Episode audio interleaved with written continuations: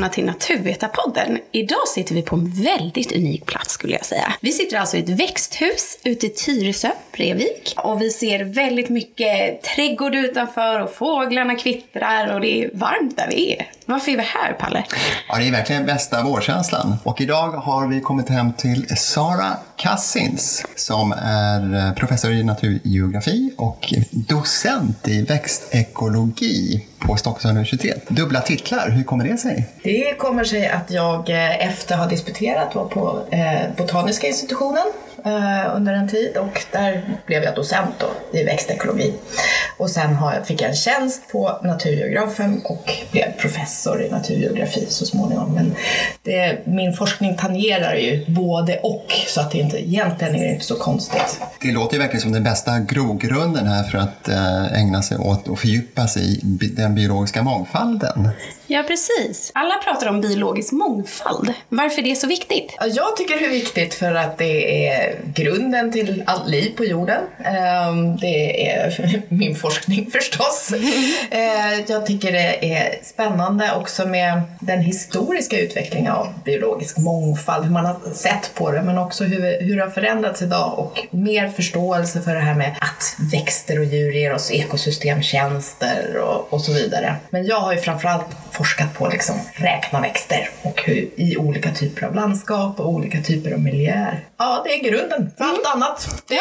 det är det jag Fint, kan säga. grunden för allting ja. annat. Mm. I vilka miljöer då skulle du säga hittar vi den, den högsta biologiska mångfalden? Eller största? Ja, om man tittar på, jag har ju forskat framför allt i Sverige och då är det gamla gräsmarker eh, som har hävdats, alltså att, att människor har skött dem med lieslotter eller betande djur under hundratals år, ibland tusentals år. Där hittar vi en jättehög andel växter då, på en väldigt liten yta. Eh, I andra miljöer som Amazonas regnskog, då är det större ytor och där hittar vi också massor med olika eh, växter och djur. Men man ska ju inte stirra sig blind bara på växtantal. Det kan ju vara så att det är en miljö som är väldigt unik men har få växter. Men, eller jag, pratar, jag är ju växtekolog, det hörs ju att jag pratar bara om växter. Men att det finns få eh, arter, men de finns bara där. Då är det också en viktig del av biologisk mångfald. Och sen är ju biologisk mångfald inte bara arter utan också gener och miljöer och ekosystem. Men när ni tittar på en provyta sådär, um, då är det ju fokus ligger på växter kan jag förstå. Men kan man även titta på mikroorganismer, det som finns i marken? Ja, det, det ökar ju mer och mer förståelsen och, och insikten att vi behöver mer kunskap om vad som händer under marken. Speciellt det här med kolinlagring och andra liksom ekosystemtjänster som tackmaskar och ja, vad, vad som händer i, i marken under. Så att det, det märks att det har ökat mycket mer från att vi knappt visste någonting. Det var liksom okända marker. Eh, jag brukade säga till mina studenter, skulle de bli expert på något så skulle de gå under marken istället för att mm. det var så lite utforskat. Mm. Men nu förstår vi ju mycket mer att även det är inte bara träd som ger oss ehm, eh, såna här kol, kolfällor då, utan mm. också. Men kan man tänka sig att även jordbruket kan göra det? Det finns väl en del forskning på det där som visar att eh, om man inte plöjer jorden till exempel, det skulle kunna öka kolinlagringen. Ja, och framförallt att inte låta jorden vara bar på, på vintern då. Ja. Men eh, det finns ju fler och fler studier här, man skjuter ner säden i, eller vad heter det, ehm, så, såfröna i, i marken mm, istället. Mm, mm. Men det är ingenting som jag har forskat på. Nej, jag men, det. Men, det, men det, det, börjar förstå mer och mer om det här med det. att även gräsmarker är viktiga för kolinlagring och andra. Mm. Nej, men om vi ser till klimatförändringarna då? Vad kommer hända med växtriket om havsytan höjs flera meter? Ja, det jag har tittat på det är ju framförallt vad som händer utefter Östersjökusten då. Och då är det, det är ju mycket som kommer försvinna. Speciellt eftersom den, de här strandängarna de är ju ett resultat av en landhöjning eftersom isen har tryckt ner marken och det kommer långsamt kommer upp, eller fort i början och långsamt senare. Så att vi har ju en landhöjning här. Eh, så att växter har ju liksom lyckats krypa mer då, upp, upp på land. Men nu om vattnet kommer istället så kommer ju de här strandängarna som är oerhört viktiga, framförallt för fåglar och fiskar och groddjur och insekter. Eh, de kommer ju dränkas. Så att vi behöver ju liksom tänka på det. Mm. Varför är de oerhört viktiga? Eh, det är rastlokaler för många av våra fåglar. Och sen har ju vi sett i vår forskning då att det är så mycket som har försvunnit. Vi använder inte strandängarna för att ha hö eller ha betande djur utan det blir vassruggar och sen är det några få, få platser som restaureras och hålls öppna på grund av fågel, som fågellokaler. Medan då de här stora ytorna runt om i skärgården och utefter kusten, de är, de är bara övergivna och just av vass. Gud vad gulligt det låter, fågellokaler. Jag tänker så här, PRO-fåglarna kommer och sätter sig och har lite fika. Ja, okej, då förstår jag. Men eh, just det, precis, och det, i det sammanhanget förr, det finns väl fortfarande lite grann i begränsad omfattning, men jag tänker på, gick ju alltid kor och beta på de här ängarna. Och de är väl borta också? Ja, korna är borta. Eh, I, I skärgården så var ju också de här gräsmarkerna jätteviktiga för att de bönderna slog dem för att få hö. Och eftersom det är lite salt, det blir, höet blir lite salt, så var ju här som sådana här saltstenar. så okej, de kunde okej. liksom byta det höet mot annat hö. Så att det var en ganska viktig resurs då för att Spännande. inlandet. Eh, Och då, den betas inte, också det här när kor går runt på gräsmarkerna så sprider de ju sig frön med sig, växtfrön också. De bidrar ju till att mångfalden flyttar på sig. Mm. Men kor har jag förstått är inte så klimatsmarta, höll jag på att säga. Nej, nej, nej, det är helt rätt. Det är helt rätt. ja, ja. Och hur Så det ser är vi på nästan, det? ja, just det, precis. Man kan nästan, kan det vara till och med så att det står, det, det är liksom en, eh, det ena står mot det andra.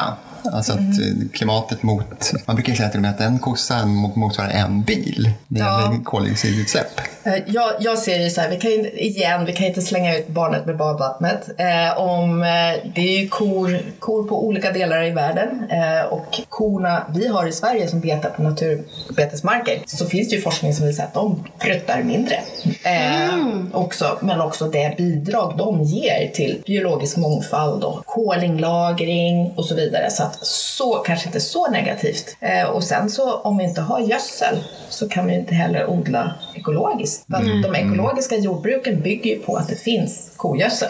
Man ska ju inte importera då konstgödsel som också är fossilt baserat. Så att det här är en balansgång då. Så att eh, jag och flera kollegor vi försöker ju säga ja, ät mindre kött eh, men ät rätt. Rätt kött så att, man inte, så att inte våra gräsmarker försvinner för då försvinner ju insekter, fåglar, förutom blommorna. Vad är rätt kött då? Naturbeteskött skulle jag säga. Ehm, från, från svenska gårdar. Ehm, så att vi behåller vår, vårt landskap öppet. Och speciellt kanske de som är lite på marginalen. I skärgårdsjordbruk, eh, småjordbruken. Så de, de måste ju finnas kvar. Och samma sak i skogslänen föreställer jag mig. Man kommer upp i Norrland och i eh, Värmland till exempel. Mm.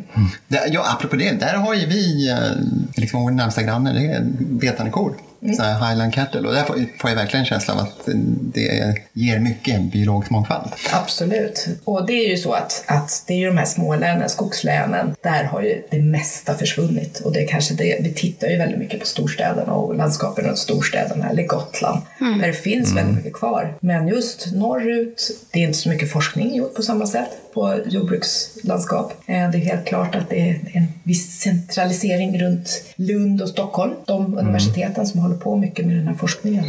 Och det försöker vi också. Vi försöker liksom råda lite bot på det här genom att vi har projekt uppe i Norrbotten och Gästrikland också för att titta på hur mycket har landskapet förändrats där? Och var finns den biologiska mångfalden där? Det som inte finns på gräsmarkerna, det finns ju i dikesrenar och vägkanter och skogsbryn till exempel. Går det lika bra och eh, om man tänker liksom bort korna, går det, skulle det gå lika bra med eh, vanlig slotter, alltså att man klipper gräset?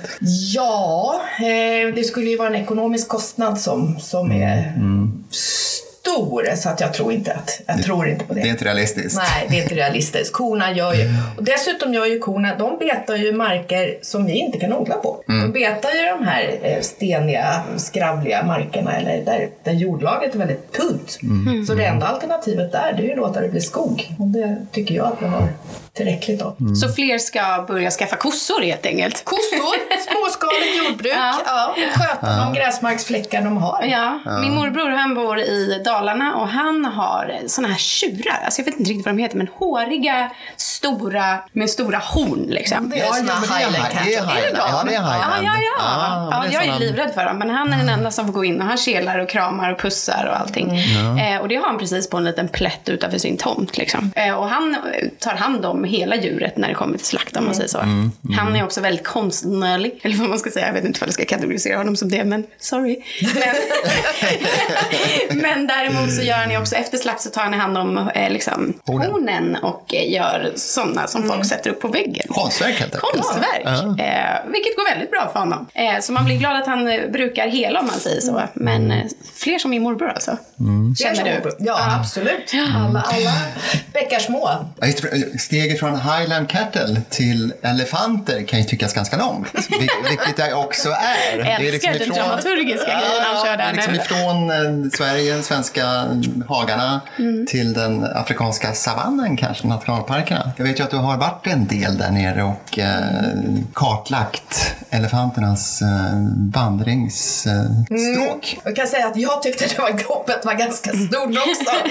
eh, anledningen till att det blev elefanter det var att det var doktorander från Tanzania som skulle jobba med olika våtmarker i Tanzania och ekosystemtjänster och eh, ja, hur de här påverkas av miljöförändringar. Och då var det en av de här doktoranderna som var väldigt intresserad av just, eller han var väldigt kunnig på djur och ville jobba med just med djurens, hur de påverkas av miljöförändringar, människornas påverkan och hur de utnyttjar de här våtmarkerna. Och då tyckte de att, ja men du har ju hållit på lite med natur, du kan väl handleda den här killen.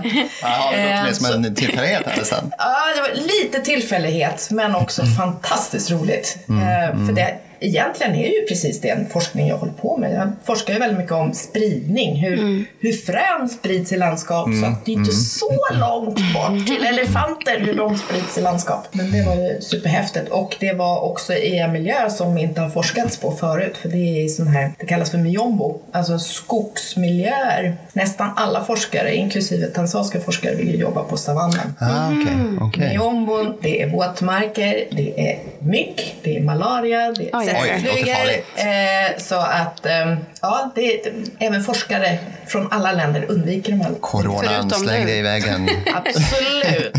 så ja, det, jag roade mig grundligt när jag gick in på någon sån här vaccinationscentral när jag skulle ner dit. Och, och trött läkare sa liksom att ja, ja, ja, ah, du ska väl vara i Dar es Salaam. Och så jag bara, nej, jag ska vara i det här Malagarasi Moyosi Wetlands på gränsen till Rwanda. Alltså till träsk, träskområden. Träskområden. Ja. Och man såg hur han lös upp av... Han bara, Tog yes, fram- fler. Ja, tog fram listan på allt otäckt som fanns där nere. Ja. Hur länge var du där? Jag var där i omgång, flera omgångar, ett par veckor i taget. Så var det strapa, strapatsrikt. Men det verkar lite grann som att elefanterna de eh, rör sig ifrån tjuvjägarna. Ja, de, de kan det här. De är, de är duktiga. Tyvärr rör de sig inte så snabbt i och med att tjuvjägarna får mer resurser också. Eh, Men annars, de kan ju, de är otroligt smarta djur. De härmar. De här eh, rangers, de som tar hand om, eller ska övervaka för elefanter, de kan härma de ljuden från de jeeparna. Så, så skrämma iväg tjuvjägare. Oj, oj. Men i och med att det finns väldigt mycket vapen som har kommit in från Rwanda-krigen då så finns det ju vapen. Så att det är otroligt tungt. Och den här tjuvjakten den fortsatte, det liksom blir inget stopp på den. Nej, det. Alltså det är så sorgligt. Alltså jag, jag, jag, jag mår så dåligt över det. Eh, också för att vi, vi tar inte hand om de djuren som snart kommer försvinna från vår planet. Liksom. Det kommer bli som mammutarna. Vi kommer se dem på ett museum och där står en elefant till slut för att det är så många som har jagat. We don't like. Nej, och Nej. Det är ju, alltså, man fattar ju inte hur mycket som har försvunnit. Nej. Från, från 200 miljoner elefanter i Afrika till kanske en halv. Så att det är ju det är en otrolig förändring. Men du är ju också projektledare i flera olika projekt. Ja. Eh, The Fun Green Project. Är Fun Green Project. Ja, men jag gillade det namnet. Jag bara, Det- ja, fan, det är också bra. stora så här, Fun Green. Ja, Vad är det? all- alla bra projekt ska ju ha en bra namn. Ja, ja, titeln. Ja, titeln är allt. Eh, Det handlar om funktionell eh, konnektivitet, alltså hur saker hänger ihop. Om, nu har Det kommer en- en- nu har vi ett fått in litet en till, det hör Lite biologisk mångfald här miljön. Det passar, det passar, det passar. Nej men hur, grä, de här gräsmarkerna, när, när djuren sprider frön mellan gräsmarker. Förr så vallade man ju djuren över stora områden. Och idag så Även natur, de här som är naturskyddade eh, jordbrukarna, de sköter en liten fläck. Men de här fröna sprids ju inte emellan. Så Fungreen handlade om hur vi kan få en, hur de här gräsmarkerna kan länkas ihop i landskapet med hjälp av eh, betesdjur. Så att vi tittade på hur hur det har förändrats över tid i Belgien, Tyskland och Sverige. Och sen hur mycket, hur mycket växter det finns också i de här småbiotoperna som ingen sköter i längre idag. Dikesrenar och skogsbryn och så. Så att det är ett samarbetsprojekt som vi just håller på och skriver ihop allt. Allt, allt är ju som en catch-up-effekt. Vi samlar och samlar och sen ska vi skriva ihop det.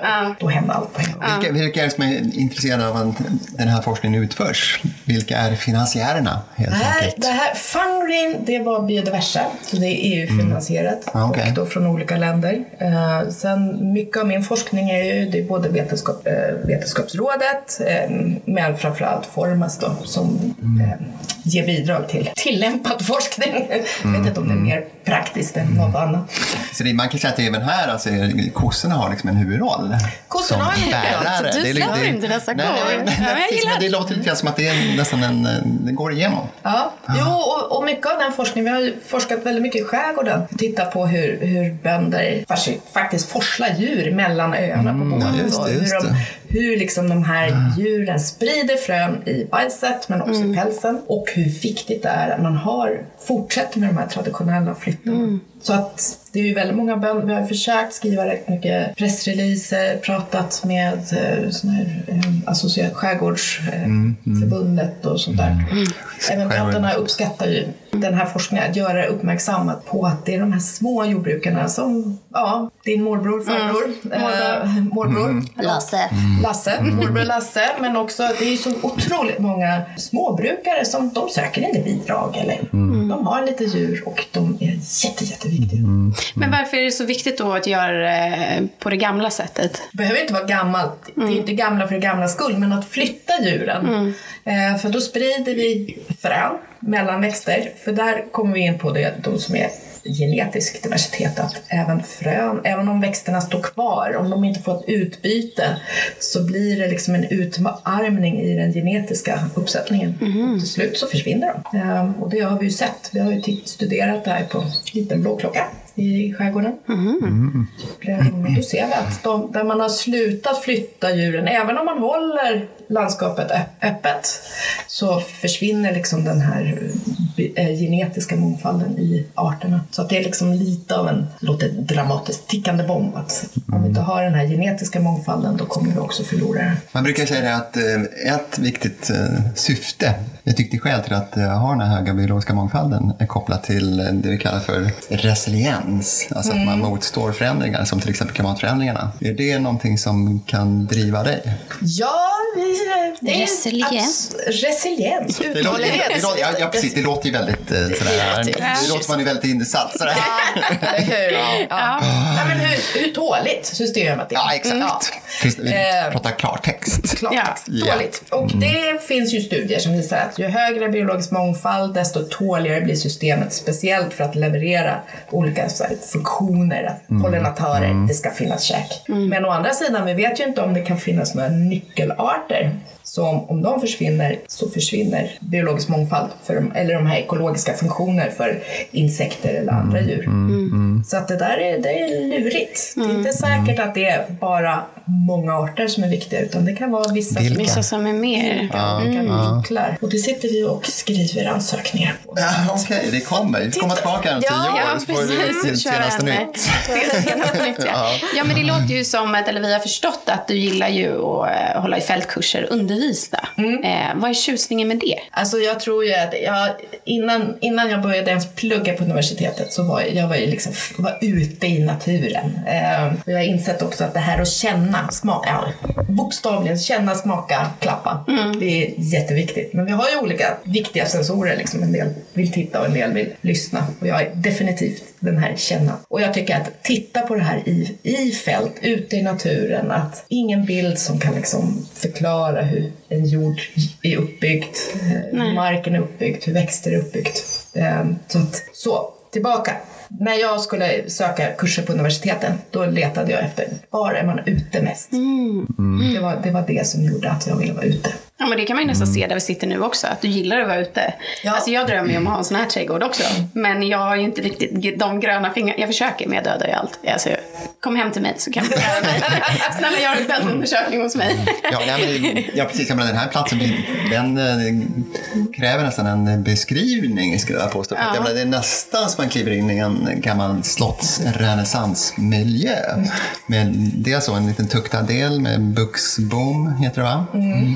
Nu namedroppas det. Ja, just, ja, just det. Ja, men, ja, och sen liksom inte bara det, utan vi har ju också statyer. Ja, det där är min disputationspresent. Ah, Ja, ser ut som lite Grekland är med oss här på något sätt. Ja, Italien, det är Italien. faktiskt. Lite och lite Michelin. dammar och grejer. Jo, men vi försöker. Vi gillar den här dammen med. Nu är paddorna på gång. Ah. Ja, och det, vi mötte din hund innan. Den gillade också dammen. Den gillar dammen. Ja. Den Och gillar... inte bara, inte bara dammen va? Ja, Nej, men han sprang runt och drack där. Så att Ja, jag tänkte så här, ja. du sa att det smakar lite fisk. ja Ah, vatten med smak. Underbart. Men jag tänker så här, det här är ju lite, när man hör dig berätta om undervisning och fältkurser och allt sånt. Då tänker jag lite så här, Palle, det är ju lite av, du är ju agronom. Jo visst, Nej, men här, man märker ju ganska många beröringspunkter. Naturgeografi och eh, agronomi kan man kalla det. Till exempel det här med växtkunskap. Jag minns när vi, kanske det bästa minnet från hela utbildningen var när vi läste botanik. En fem veckors period. Så man var ute hela dagarna. Vi skulle lära oss 500 växter på latin. På latin. Ja, och det är roliga att Varför gör det krångligare? Det roliga är att många av de där sitter kvar än. Ja. Och det fantastiska är när man åker utomlands, det är ju att man liksom, nå- någon står och pekar på ett träd Ja, och säger quercus, Ja, vilket är ek. Ja. Och så liksom tittar man på det här jag skulle aldrig veta att det där var en ek. Men jag förstår på latinet att Ja, ja. ja. precis. Det Alltså det är latinet för, vad ska man säga, alla samman i växtriket om man säger så. Ja, växter och djur. Det är ju det är ju liksom ett universalspråk, verkligen. Carl von Linné. Carl Ja, just precis. Det är honom vi har att tacka. Ja. Faktiskt för detta. Världskändis. Mm. Kanske mer kändis utomlands än i Sverige. Ja, det är nästan lite så. Ja. Men när vi ändå pratar om det här, eh, vi med växter och allt sånt. Eh, vi börjar ju närma oss midsommar. Det är ju nu, vad är det nu? Slutet på april, eller hur? Titta på mig så frågan Ja, du nu. Jo men vi, eh, och jag såg att du delade ett Twitterinlägg förra eh, året. Eh, där du hade tagit en bild på en yta på 50 gånger 50 centimeter och så skrev du så här, hur många arter tror ni finns här? Eh, och sen så när slutet på den filmen kom och det började namedroppas massa, massa arter så vart jag så men herregud jag hade aldrig, aldrig sett det. För det handlar ju om att du, som det började med midsommar, man ska ju plocka sju eller nio olika sorters blommor och lägga under sin kudde för att drömma om den man ska gifta sig med. Jag hoppas ni gör det här varje år. Absolut. Självklart. Nu är jag gift då, så att jag Ja, ja, kanske men inte behöver göra det. Man kan ju- Man kan ju testa om man Ja, har ja, ja. Se ifall har hamnat Ja. rätt liksom. Ska vi skilja oss nästa år? Ehm, och för blotta ögat, för mig var det ju liksom inte... Ja men som sagt, jag såg det ju inte eh, så många arter. Är det så att vi, vi som inte är skolade i det är lite blinda för det också? Mm, Man pratar ju om växtblindhet. Ja, du ser, där kommer Ja, där är jag fler, kanske. Ja, fler namedropping. riktig- iakttagelse. Väldigt många ser det, det här vegetationen, det är något grönt och så finns det lite, någon liten gul blomma och lite blå blomma. Man bara, Mm, Kanske på våren att man ser blåsippor och sånt. Men absolut, vi, vi har ju inte samma eh, kunskaper om naturen. Nej. Och jag tror ju också att det är en risk. Vi, kan vi inte sätta ett namn på det, så varför ska man bevara det? Är, det är bara något grönt skrufs. Nej, precis. Det finns ingen värde i det riktigt. Nej. Och då kanske vi bygger eh, alltså, hus på de ställen som inte ska. Ja, men jag gillar lite humlan. Ja, ja, ja. nej, Alltså, han får ju lite vara mys, med. Lite myspys. Ja, kanske kommer hata det sen när vi klipper. Men... Bombus, som den heter på latin. Ja. Oj, oj, oj. ja, men då kan det ju finnas en risk som sagt att man bara bygger på platser där man inte borde bygga. Ja, tänker men jag. också jag tänker mer allmänheten. Hur, många, hur många biologilärare är ute med sina Nej. högstadiet? Jag var det aldrig, Nej, trots att jag jag gick i skola. Jag gick i skola, så här, betongförort, men nära en skog. Men vi var ju aldrig ute för det. Nej. Precis, och det, det får ju tankar över till, eh, jag tänker på kalkbrytningen. Vi bryter av något helt annat här. Ja, ja, det- det är på. Gotland. Det, det var ju en ganska långdragen, väldigt segdragen konflikt. Mm. Mellan, å ena sidan var det ju eh, naturorganisationerna och eh, Nordkalk. Mm. Och där var det ju ett antal arter som skulle skyddas. Hur ser du på den typen av konflikter? Ja, jag, jag är fascinerad. Jag är väldigt glad över att, att arterna kan vinna till slut. Eh, Jag tror faktiskt att det är lättare om det är djur. En, min känsla är att vi har en förmåga att lättare bevara djur än, än växt. Växter är lite töntigt. Varför är det töntigt då? Ja, men jag tror att det, det är lite, det är liksom, nej men det är väl bara att flytta på. Sådär. Medan en, en, speciellt de här lite mer karismatiska djuren, så, som fåglar och björnar eller pandor eller något sånt där. Men samtidigt, växter går lite före ändå. Jag tänker på en typ en gråsunger och liksom såna här eh, kanske Ja, just det. ovanliga svampar som folk Det finns vill skydda häftiga, bland. häftiga gråsuggor också. Ja, ja, Med jag, olika färger. Ja, precis. Men ska man nästan ha en entomolog här istället. Då skulle, Ja, vi, då skulle vi absolut. förstås framhålla dem. Ja, jo, men det, jag tycker ju allt, allt är spännande. Allt är viktigt. Mm. Ehm, nej, men det, det är ju utmaningar att sätta ekonomiska intressen mot en, en kalkbrytning eller arbetstillfällen. Plats. Det här är ju också en superunik miljö som vi aldrig kommer att få tillbaka. Eh, Upplever du att beslutsfattare börjar ta det lite mer, du sa växtriket vann, börjar de ta det lite mer på allvar? Nej, det tycker Nej. jag inte. Det, är inte nu var det, ju, det var ju liksom att naturskyddsföreningar och de här olika intresseorganisationerna de kämpade ju. Det är en plats. Men det är väldigt mycket av vår vardagslandskap som suddas ut. Som ingen bryr sig jättemycket om. Strandskyddet här runt där jag bor, det luckras ju upp och det är ju oftast kommunerna som ger dispens. Sen har vi ju dessutom då både det moderna jordbruket och det moderna skogsbruket som jag, eh, jag menar det är ju utarmande i sig. Kan ni se några förändringar där i framtiden tror du? Eller är det kört? Stopp på är det kört. Vi måste få ut den här humlan. Ja, ju precis, den är charmig ett tag. Vi bryter sändningen för att rädda ut en humla. Snart kommer återgå. Klart att den biologiska mångfalden får vara med här, men stör till lite Ja, i... exakt, vi kan ju knappast stänga, då dör det ju. Ja, då, då kan vi inte andas till slut. Men det är bra, då får vi lite miljöbilder också för er, som lyssnar. Vi har precis Ja. släppt ut en humla. Nej, men jag, det, det är ju, jag ser ju skogsbruket, det moderna skogsbruket, det är ju egentligen det är en åker fast med lite längre skörde, skördetid. Eh, och jag tror ju att vi kommer bita oss i svansen så småningom med att det är som drift på det här, stor drift. Och speciellt kanske, min känsla, nu är inte jag agronom eller skogsmästare, eller vad heter det? Jägmästare, Eh, skogsmästare, jägmästare. jägmästare, Ja. Men i jordbruket har vi ju en ganska hög förståelse för att man måste tillföra näring. Men i skogsbruket, där vi har träd och det dröjer innan vi skördar och tar vara på allt nu. Så att vad kommer tillbaka? Jag tror att det är minst lika utarmande som, som en åker. Och där ser vi ju problemet med brist på lövskog, eh, och stora lövträd, förutom de här gräsmarkerna jag har forskat på, men också våtmarker och vå- våta miljöer. Så att det blir mer och mer likartat. Och speciellt då om man tänker sig med klimatförändringar att växter och djur behöver liksom röra sig uppåt, norrut i Sverige då för att eh, följa liksom klimatförändring. Det är ju en öken som de ska ta sig över. Så det där, jag, jag tror ju att den landskapsförändringarna och eh, miljöförändringarna är ju större än klimatförändringarna. Så kommer det påverka biologisk mångfald mycket mer än klimatet. Jag tänker så här, vi brukar göra en sak i varje podd som heter tre snabba eller tre antingen eller. Jag tycker vi kör på den. Ja, det är dags.